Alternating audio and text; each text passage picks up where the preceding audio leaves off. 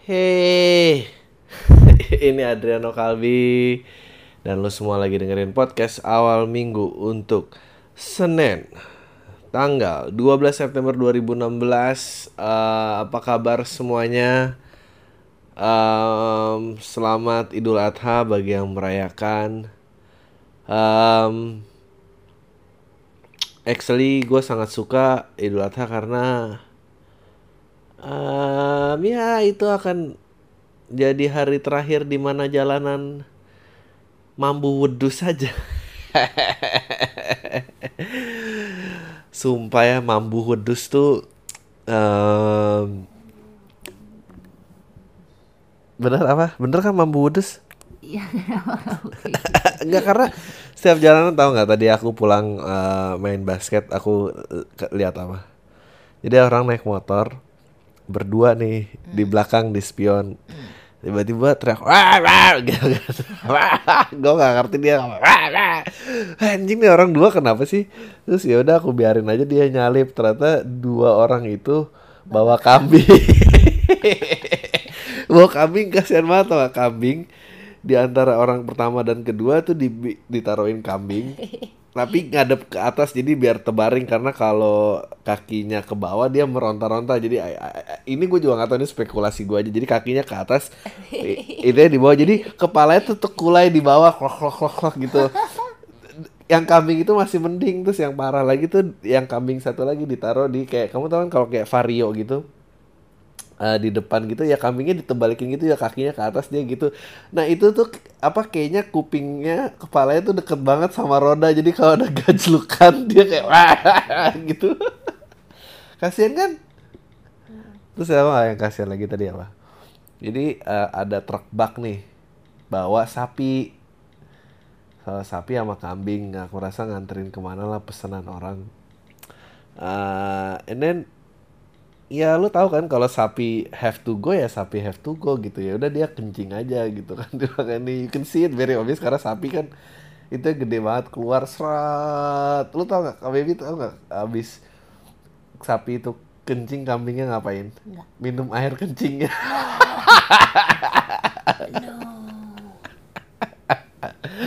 No.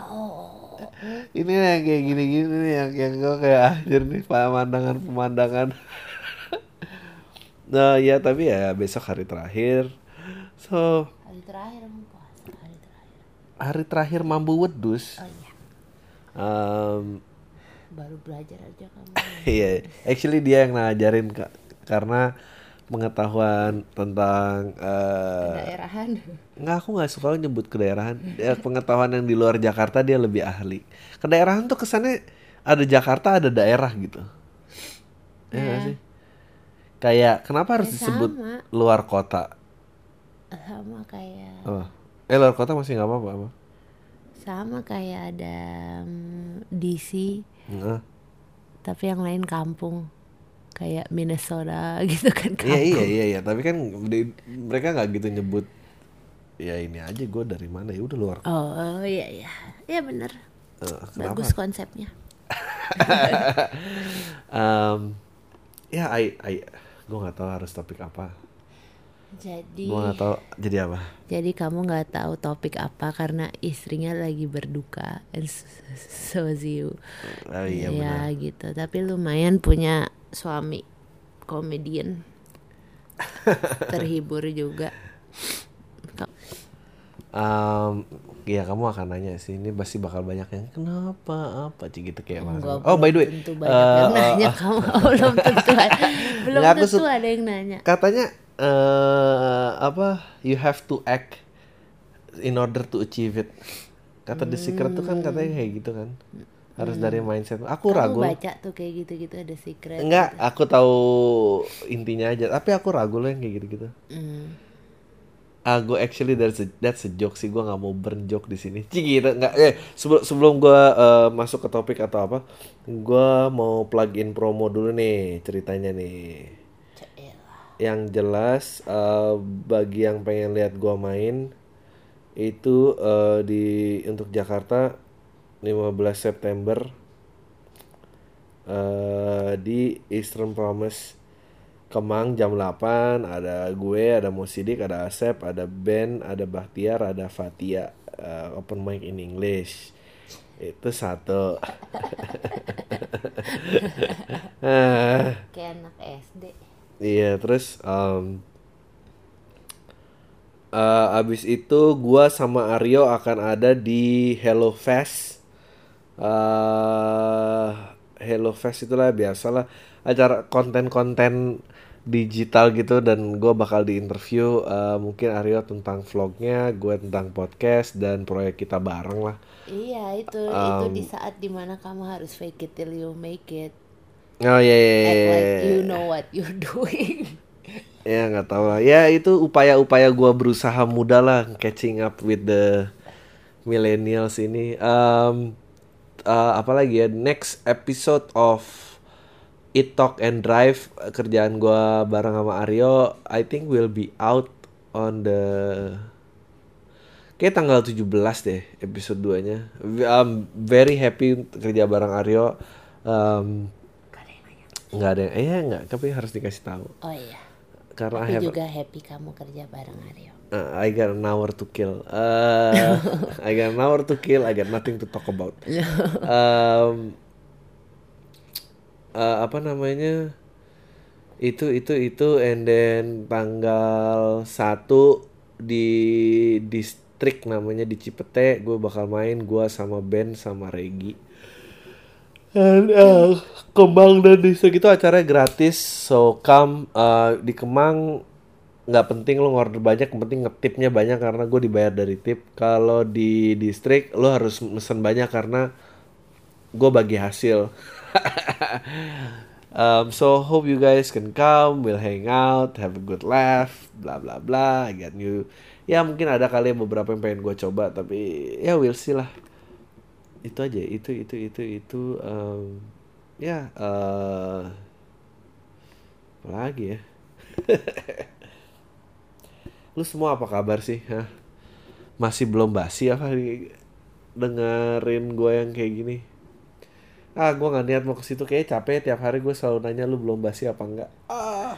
Oh by the way gue um, gue harus mulai olahraga kali karena gue udah mulai gila sekali. Eh udah mulai mau ikut. Mau mau olahraga lagi. Eh, kemarin aku ngaktifin poin celebrity fitness. Aku doang kamu belum aku aktifin. untung cabang selebriti nih, eh selebriti nih lagi selebriti fitness banyak jadi kamu nggak di stok. Ini Nggak kita- ada yang stok. Nah, ki- kita kalau misalnya bilang workout bareng laku nggak sih Enggak lah orang bentuknya kayak gini kita. Eh, Ih, kamu ngapain tanggal satu ada acara aku ada kawinan teman. karena kamu udah tahu aku udah di- Enggak itu baru. Temen deket aku loh. aduh oke ya um, ya I'm telling you man gila nih jadi jadi gendut nih em, menyebalkan banget karena karena kan gue gondrong ya sekarang. Jadi sekarang tuh ah, kayaknya berat banget beban hidup gue apa gue dan gue eh gue can feel it tuh ah, depressionnya start coming back gitu ya. Eh gue cuma ngerasa lega kalau gue habis makan um, and then gue mulai ngerokok lagi karena I cannot control my mind. Um, ya pokoknya I'm becoming a disgusting piece of shit lah. Gue sumpah. Ya kita hari ini ngomongin diet aja deh. Um, ya men eh celana sempit. Lu tau gak sih kalau um, gue tuh selalu punya takaran celana itu kalau em, lu pakai duduk terus langkangan lu kesemutan anjing itu berarti udah sempit tuh. Itu takaran gue tuh itu sama dipakai jongkok nggak bisa sama paha lu nggak bisa dicubit tuh. Lu tau kan sisa gap antara paha dan dan celana?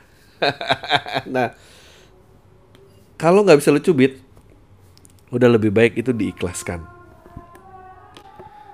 gue tadi mikirin kayak kayak gue harus berhenti nih biar nggak berisik karena takbiran mulai. Terus gue kayak anjir ini takbiran gitu nggak akan lewat tuh bukan azan nih. Udahlah berarti ya emang harus ada suasana ini aja lah.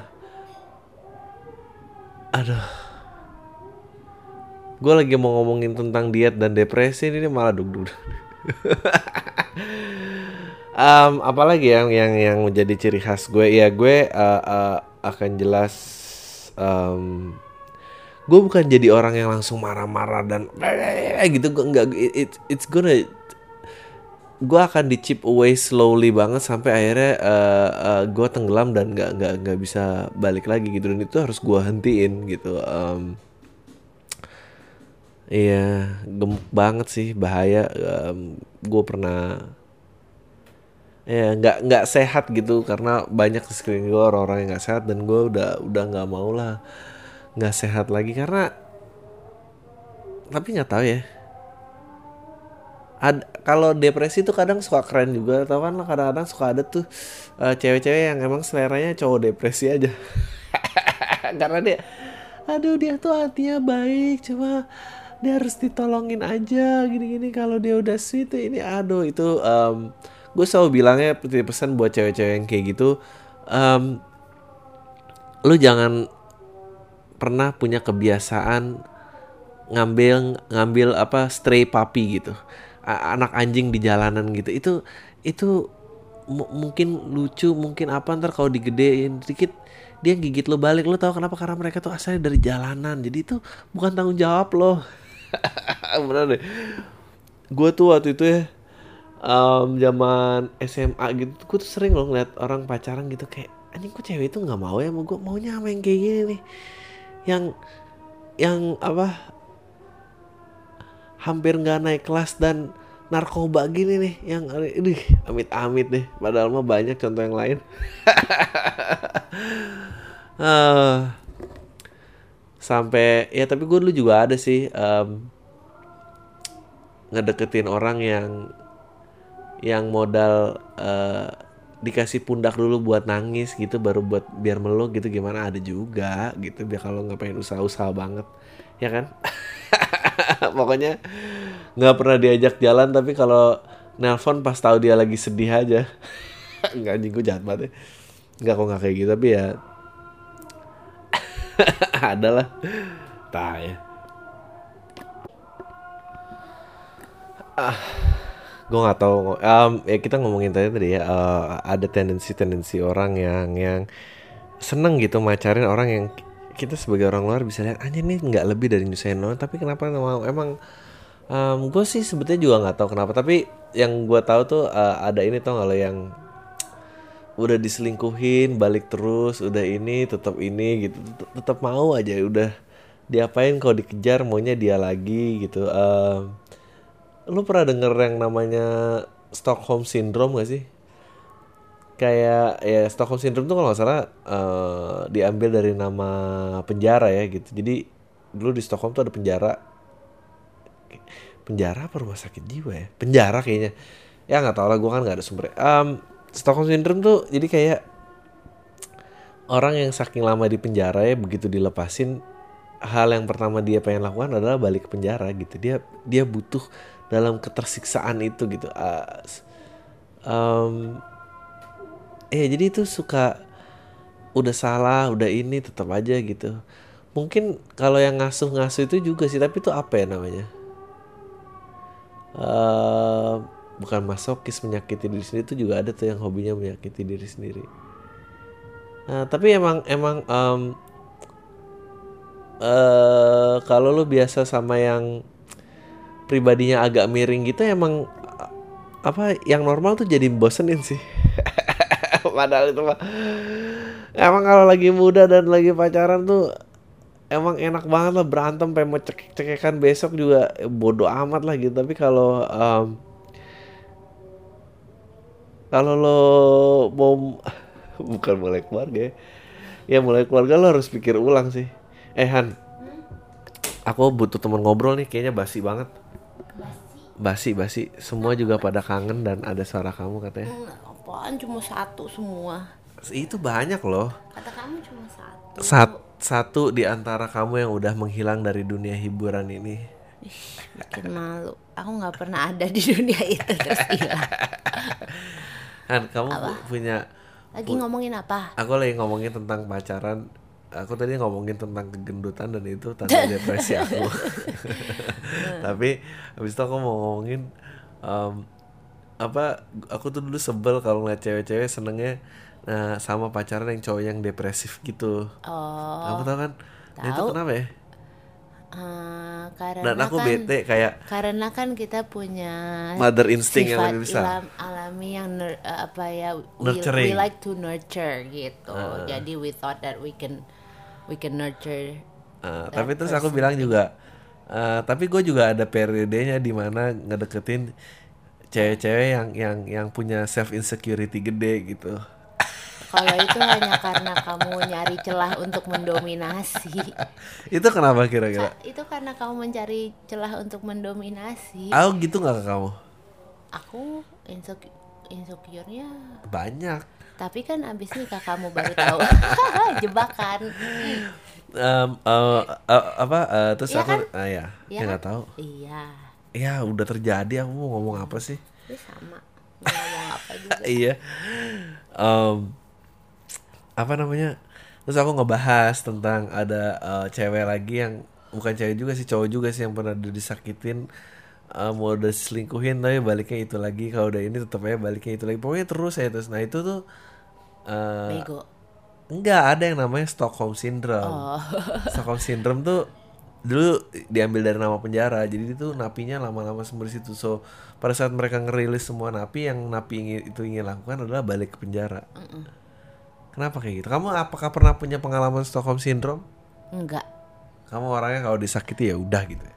iya kayaknya pengalaman aku cukup berwarna deh dalam arti eh, mm, kayaknya aku jarang deh ngalamin satu hal yang sama berkali-kali gitu. Eh, pengalaman ya apa aja ya nggak cuma relationship kayaknya. Ya same shit different person lah. Ya gue tuh paling nggak tahan tuh apa ya? Ah don't know. Gue dulu feel feel up with anger dan don't know how to communicate sih. Jadi kayak kalau misalnya debat ya kamu ya ini terus gue tuh kayak ya udah oke. Tapi da- jalan nyetir mobil di pulang tuh yang kayak kenapa sih dia nggak mau dengerin? Kan dia udah tahu logiknya kalau abis ini yang udah sebeko hah, hah Dri? Terus abis itu keluar kayak Dri you wanna stuck in this relationship Dri? Hah lo mau ini ini ngapain sih lo? Terus gue I start to follow that voice aja. Hmm, itu emang agak skizofrenik sih. Ya. Em, apalagi ya ada yang nanya ini udah masuk email? Belum. Nggak ada nggak ada. Ini belum Kamu masuk email. Ini lagi aja. ngebahas untuk aku nggak tahu juntrungannya karena ya tadi ngomongin masa ngomongin kambing mambu wedus Hmm. lagi. Ini apa namanya eh, kedengeran gak sih orang takbiran? Ya udahlah putus Oh. asa aja gimana? Iya iya. Kayaknya nggak terlalu kedengeran sih. Oh ya itu karena topiknya depresif dan apa gue kayaknya nggak ke mana-mana dan nggak tahu ketemu lucunya bahasnya semoga tapi yang tadi sedikit tuh nggak ada lucunya. bermanfaat lah. Apa, apa manfaatnya? Nggak tahu. Gue mau ngomongin ini aja deh. Em, dua TV series yang favorit lagi diikutin. Eh kita harus ngikutin itu juga loh Stranger Things. No aku mau the get down. Enggak Stranger Things dong. The get down Em, ya ya itu serial favoritnya adalah Narcos dan em, Mr. Robot Mr. Robot itu tuh Mr. Robot tuh eh Apa? Mr. Robot tuh adalah eh ya gue berharap sih itu kejadian karena eh ya gue pengen kayak ngasih pelajaran ke orang-orang yang makan deh tuh yang percaya banget sama teknologi lo kebayang gak sih semua tuh udah bitcoin semua tuh udah apa duit fisik udah nggak dihargain terus orang ada yang ngehack ke sistem hutang semua hilang tapi kepemilikan juga semua hilang. Uh, makan deh tuh. Mm-mm. serem ya? Iya serem banget. Dan kemarin aku ngobrol sama temen aku eh temennya temen aku dia, dia e- e- emang ad- bank tuh berusaha eh, membuat itu kejadian karena ternyata membuat duit itu cost. iya Iya tapi ya masa lo nggak mau buat duit terus lo maunya apa? Buat untung doang gitu. Ngerti ya exactly gitu. Iya. Ya itu kan tugas lo gitu. Maksudnya semua juga pengen lah untung lebih gede. Kayak how much money that uh, uh, um, uh, sebuah perusahaan able to make sih gitu? If you're not able to think how to spend it menurut gue lo nggak boleh punya sih. Nah kayak credit card. Kredit card kan you don't have the money. Ya tapi gini loh. Or do you? Nggak gini loh. Yang yang menurut aku curang dari bitcoin adalah bitcoin itu duit kamu udah gone. Kamu nggak bisa tarik duit kamu tapi servis belum ada. Iya. Pijit plus plus juga nggak gini-gini amat kali. Maksudnya servis dulu baru bayar gitu. Gue belum pernah. S- duit udah hilang sekian lama terus barangnya baru lo barang dan jasanya tuh baru lo ambil. Eh, emang harus pinter-pinternya kita sih. Sebenarnya kan iya benar apa belum dapat barang atau jasanya tapi kamu udah naruh duit di situ uang kamu Iya. hilang gitu. Ter ya pinter-pinternya kita aja jangan terlalu kecele. Aku tuh kalau eh make sebuah aplikasi transportasi itu Hmm. kan ada yang harus eh, apa nyimpen uang di sana atau cash Iya. atau credit card kan waktu itu aku tuh seng- eh, kepepet mau beli sesuatu jadi aku langsung langsung mobile banking aku isi sesuai kira-kira jumlah itu terus udah maksudnya langsung dibeliin langsung habis karena Hmm. Ya, I know exactly. what aku, I want iya iya, aku nggak pernah tuh nyimpen lama gitu di situ kayak pasti dihabisin. iya Oh tadi ngomong-ngomong stres lagi ya. Ka- karena orang tuh terlalu males maunya convenient jadi maunya kayak Eh. lain kali gue pesen gue nggak mau ah milih cash atau credit card Nah, mau aku tuh suka mentality kalau mau usaha tuh kayak restoran-restoran Cina yang gesek debit aja nggak boleh cash only. Itu tuh aku suka tuh nanam duit di tembok tuh. Uh, kalau negara kolaps dia udah siap lari. Iya kan? iya Iya. Lu bayangin dengan emang di ya nggak tahu aku cuma exaggerate. Apalagi dengan kebijakan oh kita bahasin aja deh. Apalagi dengan kebijakan tax amnesty itu ya. Ih ngeri banget. Semua transaksi banking ketahuan ada pajaknya. That I don't mind gitu semua diampunin. Tapi terus yang korup-korup juga diampunin gitu. Maksudnya apa gitu? Orang tuh seneng aja dilur-lur kayak gitu. Padahal mah itu nggak boleh deh. Gue mendingan gue ikut ketangkep tapi semua yang ikan gedenya ikut ketangkep deh. Iya. Daripada ini gimana sih itu emang apa namanya itu orang nggak terlalu ngerti banyak soal pajak terus tiba-tiba ada ke policy yang premature kayak tax amnesty gitu Iya, jadi udik, udik, udik, udik denger bahasa Inggris keren. Sok bah. Enggak, tapi gue tuh suka kalau cash tuh undetectable, nothing, seret bawa, udah valid. Aku suka tuh yang kayak gitu-gitu. Kamu aja run this country Em, apa? Aku aja arisan arisan emas. Mm-mm. Hmm, I don't. kalau lo, gue bagi informasi, kalau lo bisa, em, oh ini berguna banget nih, biar lo yang hipster hipster nih tahu, em, daripada lo arisan pakai cash, mendingan lo ke pegadaian terdekat, mereka ngeluarin em, untuk emas 1 gram dan 5 gram, iya U- untuk terserah mau berapa ronde, kayaknya berenam deh kalau nggak salah. Eh murah banget kalau satu gram tuh lu per bul- eh tergantung sama teman-teman lo mau lo tau satu gram se apa nggak? Seujung seujung kuku. kuku. Kecil banget kecil banget. Lucu banget. itu juga cuma 72.000 ribu seorang waktu itu ya Nggak mana tahu. punya kamu? Ada di laci. Kamu Aku tahu di mana nggak hilang? Enggak enggak ada di itu situ. kayak debu gitu.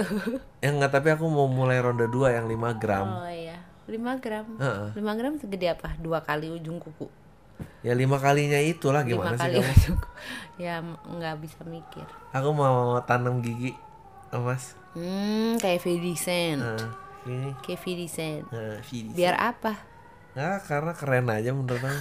Karena itu bener. Yang berharga tuh ada di badan lo aja. Bener itu dia. Dia trust nobody. Hmm. daripada digital digital ini di di- badan kayak kalung koin dollar sign gitu ya apalagi ya kemarin em, iya tuh tax amnesty tuh gimana sih ceritanya? Gue sekarang kalau yang bayaran yang kecil-kecil aku minta cash aja. Emang iya kan selalu? Em, nggak ada yang masih ditransfer. Kalau ditransfer kalau di transfer biasanya kayak ada kliennya lagi gitu kan nggak langsung. aku kalau ditransfer minta nggak pakai keterangan. Biar nggak kena pajak. Iya biar susah. Hmm. Nora eh. Oh apa apa kamu kamu susah sih ya maksudnya Entertainer. kerja kreatif Enggak deh, apa? kerja kreatif Iya. ya kan jadi maksudnya eh, ya susah mau di a- apa wajib eh, pajak yang wajib tuh berapa persen dari situ nggak tahu Iya benar. Aduh pajak anjir 25 menit astaga masuk pertanyaan aja ya. Iya. Gak kuat I'm sorry Belum guys. ada I, yang dengerin juga lagi pada makan eh, I'm I'm sorry guys. I'll, I'll, I'll make it up to you guys next week deh gue. Um, ini um, no jangan gini apa oh Rabu ntar juga tamunya yang bikin adem lah pokoknya Ci gitu. Aku nggak mau bocorin. oh ya Oke baca emailnya yang pertama dari Azari. Eh ini katanya nanya masih rajin olahraga apa enggak? Terus ceritain apa eh gaya hidup teman kamu yang kaya. By the way ada nggak teman kamu yang sok kaya pengen terlihat kaya? Oh ada banget, ada banget yang sampai maling HP terus digebukin orang aja ada. orangnya tahu loh kamu ngomongin apa? orangnya denger aja Enggak dia nggak nyampe sini. Ayak ba- tapi itu banyak. Ntar kalau misalnya dia bilang lo ngomongin gue Dri. Eh temen gue yang maling HP tuh jangan kan lo doang. temen gue yang maling banyak banyak kali eh, nggak dia bukan temen gue sih tapi ya gitu lah. Kenal. Kenal. Em, ini banyak handphone yang ini. Ya menurut gue nggak ada orang yang lebih nyebelin daripada yang nggak punya duit kelihatan punya duit atau eh, udah tua kelihatan muda. Udah itu aja. Yang muda so tua juga sebelin sih Halo bang, sebutnya nama gue biar terkenal dari Araf. Eh, gue udah ngejalanin kehidupan di SMA ini udah tiga tahun alias udah mau lulus. Tapi selama tiga tahun ini, gue cuma kayak go with the flow aja asal naik kelas. I'm fine, semua semua di kelas. Berisik nggak bandel, nggak. Dadadadadada. Akhirnya deket sama mereka main bareng. Gue mulai apa sih nih? I'm fine. Nah, di kelas 1 gue tuh anak biasa banget, nggak bersih, nggak bandel. Oke, di kelas 2 gue mulai kenal sama temen baru yang akhirnya deket sama mereka, kenal rokok, dugem, mabuk sama mereka, bla bla, minum sampai mabuk lah aneh-aneh. Nah, terus bokap gue tuh tahu kalau gue udah mulai nggak bener. Terus dia bilang, carilah teman yang baik. Gue mulai agak menjauh dari mereka. Eh, gue malah jadi kayak ansos gitu, nggak ada yang ngajak main. Terus gue diajak main lagi sama anak-anak itu dengan alasan yang ngajak mereka, main cuma mereka. Nah setelah periode pertemanan yang kedua ini gue udah nggak mau diajak yang aneh-aneh. Cukuplah hampir OD pakai ya astaga, hampir OD pakai yang aneh-aneh. Gue tuh suka mikir emang nanti Indonesia 2040 adalah generasi yang lahir 2000-an yang megang. Nah jadi kayak apa tuh Indonesia dipegang generasi gue nanti? Ya ah, ada juga sih yang baik emang jarang ngajak ngobrol. Gue ngajak ngobrol temen gue tentang pilkada aja nggak ada yang ngerti Indonesia 2040 gimana ya bang? Hahaha. Ah nggak tahu ya. Ya pokoknya 2040 tuh gue yakin. eh, emang lu mimpin di 2040 belum lah? Eh iya ding. Ya Pokoknya- enggak sama aja 60-an juga Indonesia eh, No, no. lagi bebas-bebas. Tahu nggak kamu yang pasti yang paling aneh 2040 apa? Apa? Pasti mereka pernah ngepost foto bugil lewat sosmed atau jalur-jalur chatting apa atau dari messenger messenger apa itu yang kalau dicari ih gue yakin Gampang banget. gampang banget itu gue yakin kampanyenya jatuh-jatuhan tuh. Ah, mau jadi perempuan udah ada hajah ini ini dulu pernah foto bugil. Apa gitu pasti kalau leadingnya menang tuh pasti di di ih untung gua nggak ngalamin banget generasi lo tuh generasi ADD dan tontonan vlog ih nontonin yang editnya harus cetet cetet cetet cetet cetet apa coba tujuannya? Gimana nggak semua orang edit orang editingnya harus exciting kayak gitu. Makanya tuh lu kebanyakan nonton YouTube dan apa yang blogger yang cuma itu lu kebayang gak sih kalau nggak ada proses edit itu tuh sebutnya flat doang tapi mereka nggak berani kan? Flat ya insecure aja sama dirinya. Kayak kayak podcast nih ngelatih ke ke kesabaran aja karena emang ya udah kalau lu nggak dapet buat eh, biar nggak excitement ya nggak excited ya udah lu ikutin aja tetap udah pasrah aja Jadi nanti kalau kita punya anak, pesan utamanya jangan pernah foto bugil. You will never know what you will become gitu. ya tapi nggak ak- tapi tapi dia nggak mungkin nggak foto bugil han Kenapa? emang kamu bahkan monitor gadgetnya dia 24/7 nggak mungkin lah Hmm. Mungkin lah orang nggak foto bugil. Mau semua orang foto bugil. foto bugil pasti foto bugil Ya udahlah. Eh, eh, Pokoknya oh berarti aku tahu gimana caranya. apa? Berarti caranya jangan pernah kasih gym membership. Nanti, Kenapa ya? Ya nanti dia on in shape banget. Itu dia foto bugil. Enggak lah, nggak in shape juga tetap aja pasti messenger. Gue sih udah pasrah dah. gue nggak tahu deh harus apa. Ya tuh lu makan itu generasi lo. Ya. Eh, Generasi yang pernah semua pernah foto bugilnya ada di internet. Iya, sama jangan masukin. Eh, jangan deh, jangan ngomong gitu. Em, apa nih? Ada bacaan nih menarik tentang konversi di, behavior consumer lintas negara pula siapa tahu tertarik baca. Ini Anjir orang nih serius nih. banget sih ngirim gini. Ada yang ng- ngasih gua reading material. Buset Ya Allah deh. 9 halaman PDF. Ntar deh, ntar deh kapan-kapan deh kalau gua nggak ada topik lagi.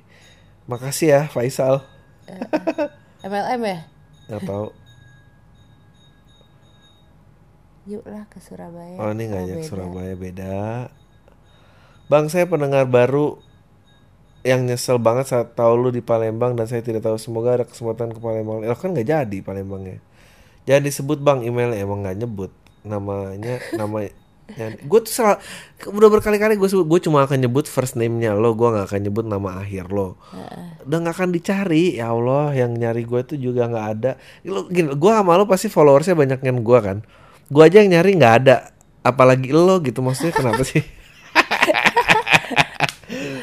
Em, jangan sebut nama bang saya termasuk orang yang individualis dalam mengerjakan satu pasti sendiri tidak percaya dengan orang lain. Oke. Yang tidak berpengaruh dengan keinginan saya untuk menikah padahal umur saya sudah dekat usia 30 iya saya masih bangun normal ya oke saya benar-benar takut menjalani sesuatu berdua yang pada akhirnya melakukan saya sendiri. Kira-kira apa yang bisa mengubah pikiran saya soal relationship dan pernikahan? Thanks bang. Semoga abang bisa mencapai fame seperti kami-kami yang dengar pasti pengen banget nyombongin sama-sama orang ini kamu favorit gua. Nyari abang di YouTube bener-bener susah banget tunjukin teman saya bang Tam Tai. Um, I think kalau jawaban seriusnya when you kalau lu ngerasa di luar diri lo ada yang lebih penting um, I guess that's the only time lo bisa mikirin sih. Karena kalau nggak um, percuma lah gitu. Karena it- kalau pakai ego anything yang di luar ego lo tuh nggak akan make sense. Um, iya Eh, tapi kalau lu punya cita-cita eh kalau mati yang nangisin orang tua doang sih ya nggak apa-apa nggak ada society nggak ada cuma ya ya boleh lah Sedih.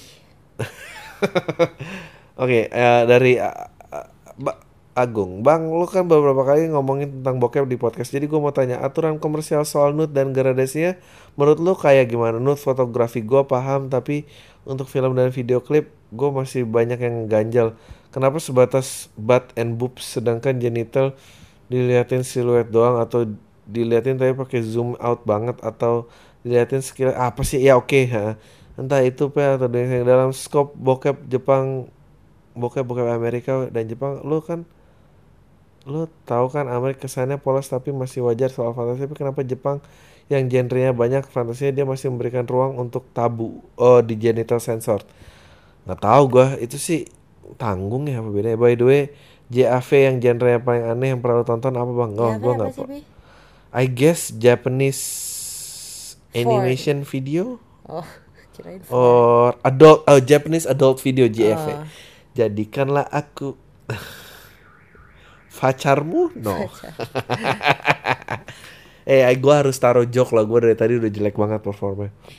Um, yang ngebawain sama berita atau ceritanya sambil superhero thanks. I gue actually don't like um, gue nggak gitu suka uh, uh, uh, uh, bokep Asia. Karena karena seolah-olah ceweknya tuh nggak willing ada di situ tau nggak? Dia kayak tersiksa diculik abis dari mana nggak tahu nangis. Gue gua gue tuh nggak gue paling nggak tega menyaksikan sesuatu terlihat di matanya ada ketidakrelaan. Gue tuh nggak bisa which is kambing. um, eh, ya terus ya kalau Jepang kayak gitu-gitu. Gue nggak tahu polisinya gitu, Bi. kenapa dia masih ada genital censored even for porn. Um, tapi di WS juga gue gak tahu. Tapi yang jelas kalau gue tuh bukan masalah um, bukan masalah portnya disensor atau enggak kalau gue setuju mestinya nggak perlu ada uh, gue bingung juga nih tentang censorship ya ya porn itu membuat yang ber, membahayakan menurut gue bukan masalah sensornya. Masalahnya adalah uh, fantasy acting out sex yang real life itu nggak akan mencapai itu masalahnya menurut gue gue uh, gue anti censorship meaning uh, ya kalau ada scene bugil dan apa ya udah bugil aja nggak apa-apa nggak masalah gitu sesuai dengan umurnya. Uh, gue masalah dengan sexual act. Jadi kalau misalnya mestinya sexual act tuh nggak perlu ada kalau sexual act nggak perlu ada maksudnya fantasy seksual ya sorry. Um, sisanya nggak perlu disensor gitu. Tapi ntar berdebat ya berarti kalau sexual fantasy nggak boleh ada itu kan censorship in itself. Ya tapi gue nggak tahu lah. Um, ya gitu. Gue nggak ngejawab. Ya tapi gitu kira-kira. Ya tapi kira-kira mereka semua tahu lah pandangan aku gimana. Uh, dear Adri oh namanya bule nih gue abis dengar di episode kemarin pak mulai dari kehabisan email so I allow allow me to offer my aid ini gue kemarin diputusin ini lucu nih kayaknya. Ini namanya Aldrich. Gila. Ini gue yang kemarin diputusin pacarnya pas mau kuliah. And yes, ini anak SMA. By the way, this one has been very rough for me. I lost my dad about two weeks ago. Ah, oh, my condolences. He was very young, even reached his 50. It was really horrible and shocking. I feel like I'm at the lowest point of my life lately, and I'm trying to recover. Well, good good for you man um, uh, gue belum pernah mengalami perasaan apa yang lo alamin uh, tapi ya gue sangat berduka buat lo have you ever feel like you're on the lowest point uh, well yes or no it doesn't matter what I want to ask is uh, yang dia mau pertanyakan para pendengar adalah kasihan kalau yang lain gue nggak tahu Uh, how do you deal with your own sadness and disappointment, Dri? Uh, this shit is a bit personal, so if you feel uncomfortable sharing, it's fine. By the way, I'll be moving to Tokyo tomorrow, so by the time you're reading this and the podcast, you have a have another international audience. Hey. Yes. Uh, thank you and please keep on going on Palm karena it keeps me sane. Cheers, Dri. Uh, sorry for the long email. Ah, oh, man, nggak apa-apa banget. Um, how do I deal with my own sadness and disappointment? Um, um, apa ya? Ah. Uh, Iya waktu lowest point of your life dulu, uh, how did you deal with it? Gue mau ngomong ya yeah, you have to grow out of it kayaknya tuh oversimplifying banget, simplifying, simplifying kan benar? Simplifying. Oversimplifying, oh ya oversimplifying banget. oversimplifying banget tapi jawabannya itu ada di nggak um, tahu ya I, I, I guess uh, first stepnya itu try to admit that you're not okay that you're you're in a deep trouble you um, ya. Yeah. uh, ya udah terus lu jalanin aja lu akuin banget and then let everything yang lo putusin tuh sesuai dengan perasaannya pada saat itu gitu. Kayak misalnya lo nggak mau ya karena emang gue lagi sedih. Kalau gue mau ya karena gue lagi depresi. Uh, kalau gue mau ini gue lagi nggak ini. By the way itu cewek lo tai banget ya mutusin lo pas bapak lo lagi meninggal. Itu kurang ajar itu. Iya sih um, kayak tai. uh, itu itu ya yeah, terus and then I think after that kalau lo jalanin um, abis itu lu mulai ada kayak ya abis itu oke okay, perasaan ini benar perasaan ini valid terus abis ini gue mau apa? Nah pada saat diri lo udah mulai ngomong itu tuh lo harus bantu diri lo gitu karena nggak cuma pemikiran doang. Kalau gue um, gue harus semua sih. Gue harus gerak juga gue harus olahraga. Gue nggak bisa doang memikirkan konsep dan berharap dunia berubah gue nggak kayak gitu. Kalau kalau hati lo lemah ya lo harus bantu dengan pikiran. Kalau pikiran lo nggak kuat lo harus bantu dengan badan lo. I think that's what I learn hmm. um, and I- apa ya One of the things that could help you is to um, how do I put this ya? Biasanya uh, ini masih SMA ya bi? dia mau kuliah Oh mau kuliah? Ya biasanya apalagi lo mau ke Tokyo, uh, mau kuliah kan? Kayaknya ya kalau dari emailnya. jangan ke seks hotel awas lo Apa? Enggak, enggak ke ini noti noti karaoke. Enggak ini apa namanya kan? Uh, as you meet more people, lo deketin ke orang-orang yang positif aja deh. Yeah, Biasanya itu guess. bantu lo all the all the good vibe and everything. Oh, um, um, um, gue coba tulis. That's also very therapeutic buat gue. Uh, Nggak perlu harus make sense, nggak apa-apa. Just buat diri lo aja biar keluar. Kalau lo nggak bisa itu ya main musik. Pokoknya harus ada output. Harus ada output. Harus ada. Kan sekarang, uh, ya Allah mata gue perih banget lagi. Um, abis balurin minyak kayu putih nih. Um, Dia pasti nggak relate deh. Iya anak-anak muda tuh masih alergi tuh Lu kalau udah tua tuh lu ngerasa aduh ini Nempelin Andri balurin gua koyo, gua nempel eh balurin gua ini apa namanya? Ya output sih output tuh mau bantu banget sih And on top of all It it, it doesn't kill you. So hidup jangan berhenti di situ. I guess that's Time is on your side. Time It's on your side. As it is. Aduh. time Time is on my side. Time Yes it is. Itu lagunya bagus loh, that is very therapeutic. Itu. Uh, Rolling Stones Time is on your side It's on my side. It's on my side. Ih sabar. Iya. Dari Reza. Hai bang, tahu manusia tertua di bumi ditemukan di Serangan umurnya 145 tahun? Ya ya kaki ini diwawancara. Wawancara yang, dia inginkan sekali cuma ingin meninggal. Ya iyalah. Dia bahkan udah nyiapin makamnya dari 20 tahun lalu. Istri, saudara, sama anak-anaknya sudah meninggal. Semua kasihan ya. Gue sih nggak kuat kalau harus mengalami kehilangan banyak seperti itu. Menurut lo gimana bang? Lo pengen hidup sampai berapa yang ideal? Em, oh ya pas kali kakek itu doanya teman-teman dikabulin sama Tuhan semoga panjang umur sehat sehat selalu podcastnya bang sehat selalu. Sukses terus podcastnya dan sehat It- I think em, kalau gue umur berapa sampai I don't mind. Eh nggak tahu ya. Umur berapa ideal? Apa? hidup. Wow. Eh jangan digembur-embur nih nggak ada ini windbreaker ya. Kayaknya selama kalau otak sehat, badan sehat, I don't mind living. Tapi I'll be very uh, uh, bitching banget sih kalau sekarang aja kayak generasinya makin jauh aja gue udah nggak ini. I don't mind tapi on the other hand, I guess 60, 70 is a good age Iya. tuh you know. tapi pasti kalau kayak gini istri gue sedih banget dan udah mulai ngitung mundur ya berarti kita cuma ada sekian puluh tahun belum pernah dijalanin aja udah Yang enggak kan orang lain nikahnya earlier.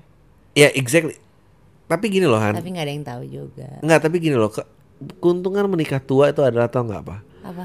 I feel like I can make it Oh.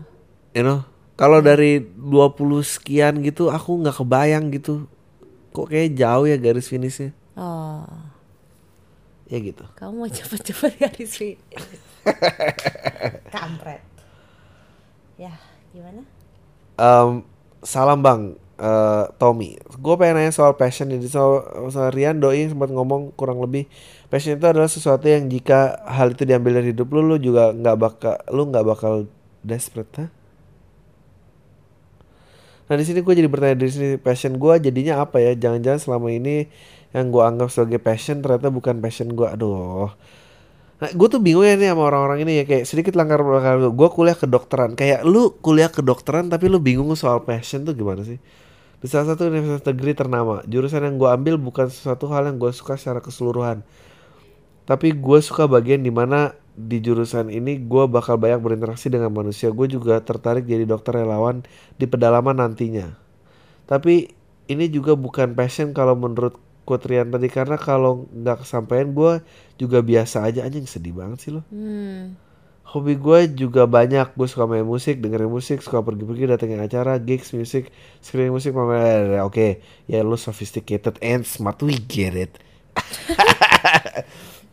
gue juga lumayan suka stand up, kebetulan juara astaga, oke. Iya ya juara satu di universitas beragam olahraga. Ini, ini sebetulnya mau pamer skill apa gimana sih? Baca buku, karena gue suka oke okay. tapi semua itu gue ragu di mana gue bisa bilang passion karena kalau semua itu ada diambil dari hidup gue gue kayak nggak masalah juga. Panjang mati sekarang gue jadi insecure gitu bang. Ya itu berarti passion lo kali insecure. Lu bagus semua gitu dalam hidup lo apa begini gue berarti belum mengenal diri gue dengan baik atau gue aja yang belum cukup dewasa? Menurut lu bang seberapa penting peran passion dalam hidup? Kalau penting bisa kasih saran gak buat gue orang yang masih kebingungan dan gak tahu passion tentang diri sendiri? Sorry panjang sorry sukses. Sorry gue gak suka muji lu tapi gue di sosmed. Eh lucu banget ini sorry bang panjang sukses terus walau di sosmed. Gue gak suka muji-muji podcast lu bang. Tapi tiap gue nebeng mobil teman podcast lu selalu gue putar pakai speaker mobil. By the way reaksi teman-teman gue sayangnya nggak tertarik tapi mereka selalu ketawa eh tapi dia mereka selalu ngeri ketawa. Kalau dengar ketawa gue katanya ngeselin. Um, I don't know ya. Passion menurut gue tuh uh, kata ciptaan yang yang yang, yang ngebebanin pikiran lo banget gitu. Menurut gue kalau lo happy nggak ada passion ya mungkin lo udah menjalani passion lo gitu. Itu satu. Kedua um, gue bete passion selalu diidentikan dengan hal-hal yang berbau kreatif. Padahal berkreasi tuh bisa di mana aja gitu lo sebagai dokter kalau lo nemuin virus terbaru ya itu virus terbaru ya nama lo. Lo nemuin obat terbaru ya itu nama itu kreativitas juga gitu yang yang yang. Ya inilah kenapa dunia tuh harus mengagung-agungkan yang tenar. Aduh mau jadi apa sih? Cing gitu sok banget. Um, ih lu bayangin ya bentar politik nanti. Ih mantan mantan seleb seleb tweet yang mimpin negara selebgram gitu. Lu mau percayain negara lu dalam orang-orang kayak gitu? Hah? Yang bikin bikin youtuber ih. Amit amit. Lu pikir jadi artis sinetron jadi anggota DPR tuh udah parah. Uh, lu tunggu nanti ntar tuh kalau udah vlogger jadi DPR uh. um, ya, I don't know passion. Uh, uh, waktu itu Kobe Bryant juga katanya eh, diwawancara you need to be very lucky to find passion in life gitu. If you're very lucky you find it while you're young nggak tahu men. Menurut gue sih um, lu bisa nyas lu di kedokteran kalau lu nggak passionate passionate amat lu nggak mungkin juga nyampe di situ gitu. Um, Rian tuh ya lebay aja menurut gue sih. Nggak deh nggak ada dia nggak apa-apa. Um, apakah gue hidup dengan passion? Enggak juga ya. Gue kalau ditanya kayak gitu juga nggak.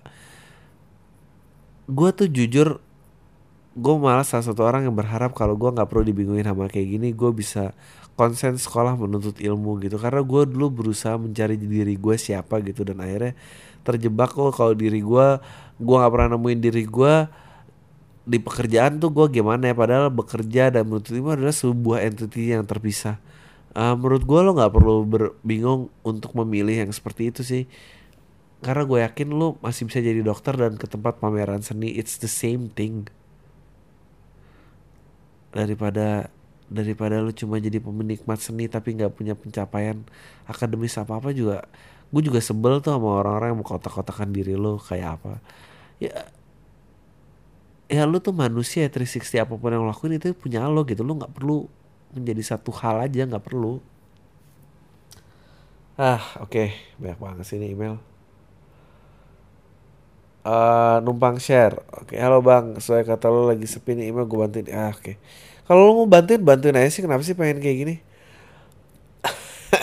Tolong rahasiakan identitas gue ya soalnya email dan oke okay, sebut aja gue Abdul gue sangat menikmati teater JKT48 teaternya aja ya mereka kalau lagi main TV dahsyat gue nggak nikmatin. Nah lucunya gue punya pasangan. Yang secara statistik dan generasi pasangan gue lebih oke okay dari banyak hal dari member JKT apa yang gue selalu tonton. Cuma satu hal pasangan gue kalah dari member JKT 48. Pasangan gue memiliki berat badan yang kurang ideal, tapi face, otak, bahkan nyanyi pasangan gue lebih baik. Sampai email ini ditulis gue masih sering colongan untuk nonton teater 4 JKT48.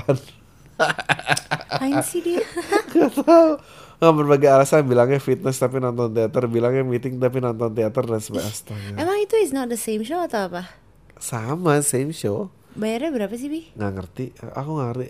Entah apa yang terjadi dengan diri gue bang? Entah gue brengsek entah gue freak eh, lu freak. Gue kasih tau aja. Tapi gue aja menikmati kelucuan yang terdapat di teater 48 apakah gue salah Entahlah bang, menurut gue ini salah satu bagian hidup gue yang lucu. Semoga abang Colby yang selalu idealis bisa menemukan sesuatu di cerita singkat ini. Emang Thanks bang, I found what I want at your podcast.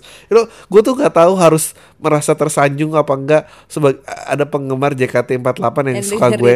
Gue gue gak ngerti irisan gue itu sama JKT48 tuh di mana gitu.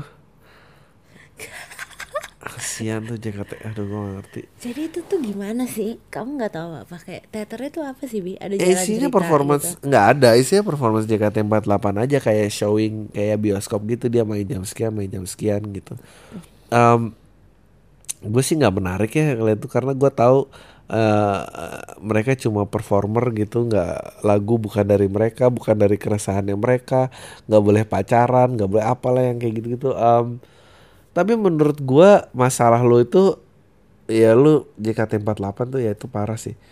Em, eh, udah gitu pakai harus bohongin cewek lu lagi. Nggak kalau cewek Emang lu gemuk. jealous. kayaknya. Oh. kalau ceweknya gemuk suruh olahraga aja lah. Suruh ini Ka- ka- karena gue tuh salah satu hal fana yang gue setuju adalah orang jangan sampai gemuk sih bukan apa apa nggak sehat sih. Dan gue belum pernah ketemu eh nggak tahu sih. Ya gue nggak tahu sih. Gue punya Kamu belum pernah ketemu orang gemuk yang sehat. nggak gue belum pernah ketemu orang gemuk yang happy. Kamu? Siapa? Happy nggak kamu? ya gue kan nggak gemuk nggak gendut gendut banget. Maksudnya yang gendut gitu. Oh, gemuk sama gendut beda. ya gue nggak pernah ketemu orang gendut yang happy. So sama juga yang sehat. Jadi kayak yang gue nggak tahu apa yang dibelain gitu. Biar apa gitu Em, ya lu sih ya freak karena lu bohong sama pacar lu sih. Tapi lucu juga ya selingkuh maksudnya ya itu selingkuh lah jatuhnya. Kalau lu nggak berani cerita ya lu selingkuh. Ih, nggak mau selingkuh yang lebih berprestasi gitu ya maksudnya yang nyium orang atau apa gitu. Nggak Kan- nonton JKT Ya gue nggak tahu men. Gue nggak bisa bantu nih terlalu advance masalahnya buat gue. Hah. Oke lanjut. Oh, 52 menit nih. Gue belum pertanyaan uh, ACFM. Em, aduh males ya. Mau ganti ke SFM deh ntar sisanya 1, 2, 3, 4 Oke lah sikat aja deh Halo bang, gue pendengar lo mulai dari tiga bulan yang lalu nih. Gue mau cerita tapi kalau bisa nama gue jangan disebut. Tapi gak apa-apa juga sih karena gue yakin lingkungan gue ada yang denger podcast ini sama sekali Iya exactly. Exactly, lu ngerasa penting banget sih. Namanya Lucky. Ah, Pernah nyoba ngasih tahu ke teman tapi gak ada yang tertarik semua. Gue nggak tahu lo kenapa lo pengen ke temen lo gue sih gue jadi gue udah deketin gue aja ogah gue ngedeketin cewek udah dua minggu gitu terus dia tiba-tiba ulang tahun kan. Dia tuh ulang tahun gak Tiba-tiba tiba-tiba. ulang tahun. tiap tahun tanggalnya selalu itu. Gue kaget banget. Teman-temannya pada surprisein. Gue bener-bener bingung harus ngelakuin apa soalnya gue nggak deket sama temen dia satupun. Mau ngasih hadiah sendirian takut dikira kepedean. Takutnya dia nggak nganggep gue penting selama ini. Tapi kalau gue ngasih takutnya ya gimana gue terbeban rasanya setiap kali dia cerita tentang dia disupresin atau dikasih kado sama orang tai lah. Eh, harusnya gue sebelum chat pertama deketin cari dulu tanggal ulang tahunnya biar bisa ngindari hal-hal kayak gini. Kan bisa deketin seminggu atau dua minggu sudah ulang tahunnya. Pinter pinter pinter. Gue juga suka mikir kayak gitu tuh. Kayak kalau jadian terus dia dua bulan udah ulang tahun tuh kayak anjing rugi banget ya gue maksudnya udah ngelewatin baru gue kasih kado gitu. Enggak kamu tidur ya Mm-mm. Um, by the way, gue suka banget podcast lo. Jadi buat terapi gue dan wa- waham gue sendiri. Waham apa sih? Dari waham gue sih. Paling ya efeknya kayak gini. Mau ngasih hadiah takut nanti gue dibilang so spesial banget. By the way, sukses ya podcast. Semoga makin banyak iklan dan makin ter- Um, kasih kasih aja lah menurut gue kasih dia cewek tuh suka dikasih kado kasih iya dan tapi yang general aja aku sampai bangun dari tidur loh Iya enggak yang general aja dan gue juga gue nggak ngerti sama orang-orang yang ngedeketin orang yang udah tahu nggak nggak nggak pasti gitu gue bakal dikasih ada harapannya apa enggak gitu ngapain gitu. sih? ini ada gitu? harapannya nggak Enggak nggak kayaknya. cerita kan Heeh. tapi suka nggak Nggak tahu lah gue sih nggak mau. gue tuh mau aja. pasti pasti aja lah. Ah, udah kasih aja nggak apa-apa. Mau dikasihin dari sini salam dari podcast. Ntar lo dengerin dari HP Norak gitu. banget. kirain kamu Eh, aku ngomong- dulu ada lo zaman dulu gitu disukain cewek. Buat Adri nih, nih, nih lagi dengerin radio nggak Adri? Gitu. Enggak gue nggak dengerin. Jangan sebut nama gue bang karena namanya aneh banget cuy ya, siapa namanya namanya bi? Darves ini oke orang Belanda nih kalau disebut Merdek eh kamu jangan sebut oh itu kedengeran nggak tadi ah bodoh. Ah, semoga sehat karena gue peduli banget sama kesehatan lo. Lanjut ke pertanyaan. Jadi gue nih anak ABG SMA yang sok galau bang. Gue punya mantan yang gue kejar waktu zaman SMP sumpah buat tiba-tiba buat cuma semangat sekolah aja. Dan tiba-tiba dia bilang suka duluan gitu pas gue baru masuk SMA ya udah gue juga lagi nunggu dia jadi kita jadian. Jadi juga selama kayak anak SMA yang backstreet karena dia nggak belum boleh pacaran sama nyokapnya. Ya udah karena gue backstreet aja nyaman banget karena dia juga nggak jelek dan agak introvert. gue sama dia satu sekolah coba beda jurusan akhirnya gue jalan enam bulanan gitu gue udah agak bosen bukan bosen karena jalan di tempat yang emang urusan cinta anak SMA harus jalan di tempat cuma bosen karena chatting seadanya ketemu seadanya. Akhirnya gue sok cari yang lain gitu bang. Dan gue ketemu cewek yang islami banget jilbaban. Dari keluarga yang islami juga sekolahannya juga kedokteran. Akhirnya gue kejar dia tanpa ngelepasin cewek gue yang pertama. Sekitar tiga bulan gue kejar gue coba tembak dia dan diterima. Alhamdulillah. Dan hubungan gue sendiri udah jalan dengan 9 bulan gue sudahi. Si cewek pertama agak berat awalnya karena aduh ini panjang banget sih kata gue udah baik atau bullshit bener blah. ya udah gue ngeliat sama centek kedua ini seru jalan bareng makan bareng. Tiba-tiba gue jalan dua bulan gue ribut besar. Dia katain gue dia katain gue anjing. Dan sebagainya di depan teman-teman gue anjing ya udah gue putusin. Buset deh dan gue naik kelas 2 gue lebih sering lihat mantan gue yang pertama mampus. Dan dia kayak lebih terbuka dan tambah cantik ini emang kalau lagi lagi dia kayak- cuman nggak main kayak kayak iya bener juga. Itu eh, eh, eh, eh, eh, kayak kayak lagi macet mau pindah jalur terus pas di jalur yang itu stuck yang itu jalan ya. Balik lagi. Um,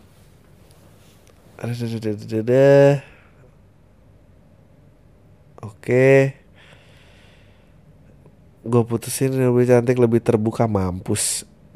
Eh, gue sosok hubungin dia, dia masih welcome banget. Gue nyesel senyesel nyeselnya. Gue coba ajak balik, nggak mau sampai dia pernah bilang gue tuh pasti nggak pasti udahlah lu dapetin aja yang lebih dari gue mampus. Tai sebetulnya gue udah punya pasangan lebih cantik dari dia sih bang. Aduh kalau dibilang pas chatnya barengan dia dan cewek gue sekarang gue bakal lebih bales mantan gue lebih dulu. Pertanyaan gue, gue tetap kejar atau tinggalin aja bang. Tetap jalan bang podcastnya thank you. Yang pasti kejar atau enggak, yang pacar lu baru lu, lu putusin sih. Itu aja sih. Kejar mah ya kejar aja men, gak bayar. Ya enggak. Em, eh, tapi menurut gue eh, kalau lu balik lu nyesel lagi sih. Karena pasti akan backstreet. Eh nggak tahu lah, backstreet tuh enak menurut gue. Nggak perlu ngaku, nggak perlu ngasih kado. Nah tuh lu tukeran sama yang orang tadi aja tuh yang nggak mau ngasih kado, yang rugi perhitungan. Udah berapa sih? 58 menit. Oke. Dari Ren. Jam segini se- santai aja Bandung setuju banget sama dia tentang toothbrush DNC terserah yang mania susah ya udah midnight quickie dari antara kita udah mau itu bang Indonesia ya gue oke cewek ketemu pasnya dadadadada, dadadadada,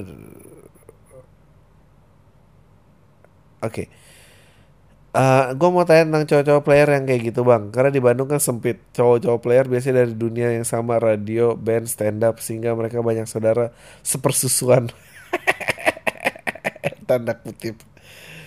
Eh, Ada beberapa kali mereka eh, tunduk banget sama istri. Kenapa ya bang? Banyak banget yang cowok player Terutama gue kan abisnya takut istri. Tahu kenapa?